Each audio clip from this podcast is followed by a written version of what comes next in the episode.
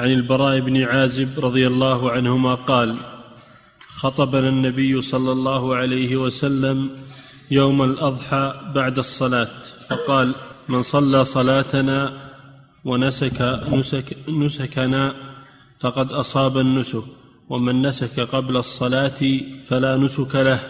قال أبو بردة ابن نيار خال البراء بن عازب يا رسول الله إني نسكت شاتي قبل الصلاة وعرفت أن اليوم يوم أكل وشرب وأحببت أن تكون شاتي أول ما يذبح في بيتي. فذبحت شاتي وتغديت قبل أن آتي الصلاة. قال شاتك شات لحم. قال يا رسول الله فإن عندنا عناقا لنا جذعة هي أحب إلينا من شاتين. أفتجزئ عني؟ قال نعم ولن تجزي عن أحد بعدك. نعم. هذا الحديث فيه مشروعية الأضحية في عيد الأضحى وهي شعيرة عظيمة ومستحبة سنة مؤكدة بإجماع أهل العلم. ويرى بعض العلماء كأبي حنيفة رحمه الله أنها واجبة والجمهور على أنها سنة مستحبة وليست واجبة. وفيه أن ذبح الأضاحي إنما يبدأ بعد صلاة العيد. فمن ذبح قبل صلاة العيد فإنها لا تكون أضحية وإنما تكون لحما يؤكل فقط. لأن أبا بردة هانئ بن نيار رضي الله عنه ذكر للرسول صلى الله عليه وسلم أنه ذبح قبل صلاة العيد وأكل تغدى منها وذلك اجتهادا منه لأنه قال إن عرفت إن هذا اليوم يوم أكل وشرب فأحببت أن أبادر بالذبح. فهو أراد المبادرة للعبادة أراد أن يبادر للعبادة لكنه أخطأ في هذا. فما كل من اجتهد ولو كانت نيته صالحة وقصده حسنا فلا يلزم من هذا أن يكون مصيبا للسنة. النية وحدها ما تكفي. لا بد من إصابة السنة.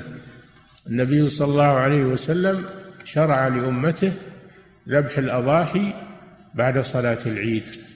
فمن ذبح قبل صلاة العيد فإنها لا تجزئ أضحية وإنما تكون شاة لحم ليست نسكا.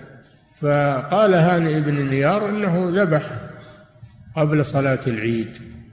النبي صلى الله عليه وسلم قال له شاتك شاة لحم.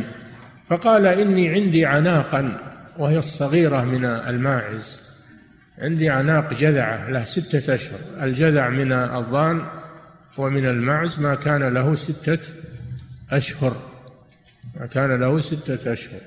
والجذع من الضان يجزي ولو كان له ستة أشهر. أما الجذع من المعز فإنه لا يجزي. إلا إذا تم له سنة. فالمعز يجزي إذا تم له سنة. كان ثنيا. والجذع من الضأن يجزي وهو ما له ستة أشهر. ومن البقر ما تم له سنتان. ومن الإبل ما تم له خمس سنين. هذه الأسنان المجزئة في الأضاحي والهدي في الحج وغيره. فقال إن عندي عناقا. جذعة يعني لها ستة أشهر وهي أحب عندي من شاتين. فأمره النبي صلى الله عليه وسلم أن يذبحها وقال إنها لا تجزي عن أحد بعدك.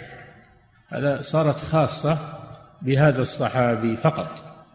فدل هذا على مسائل. المسألة الأولى مشروعية الأضاحي يوم عيد الأضحى. المسألة الثانية أن وقت الذبح يبدأ من صلاة العيد. فمن ذبح بعد قبله فإنها لا تجزي وعليه أن يعيدها.